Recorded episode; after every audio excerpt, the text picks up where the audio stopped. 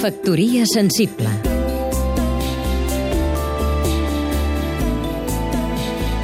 Oleguer Sarsenedes, periodista Petros Markaris és conegut sobretot per les seves novel·les policíaques en les que descriu la vida a Grècia avui a peu de carrer.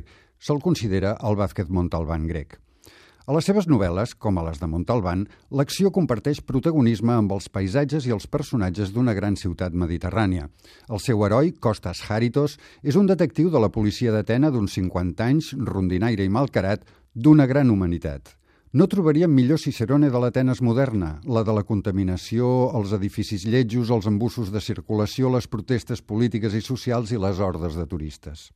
Doncs bé, Petros Markaris deia fa uns dies en una entrevista que un dels problemes més grans que tenim actualment els del sud és que Alemanya no entén que Europa és culturalment diversa.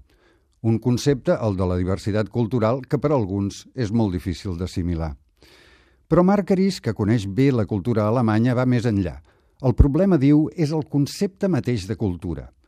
Els alemanys tenen molt de respecte per Plató i Aristòtil, fins i tot per Cavafis i Kazantzakis, però no s'adonen que la cultura grega és també una altra cosa, no tan estàtica, més ampla.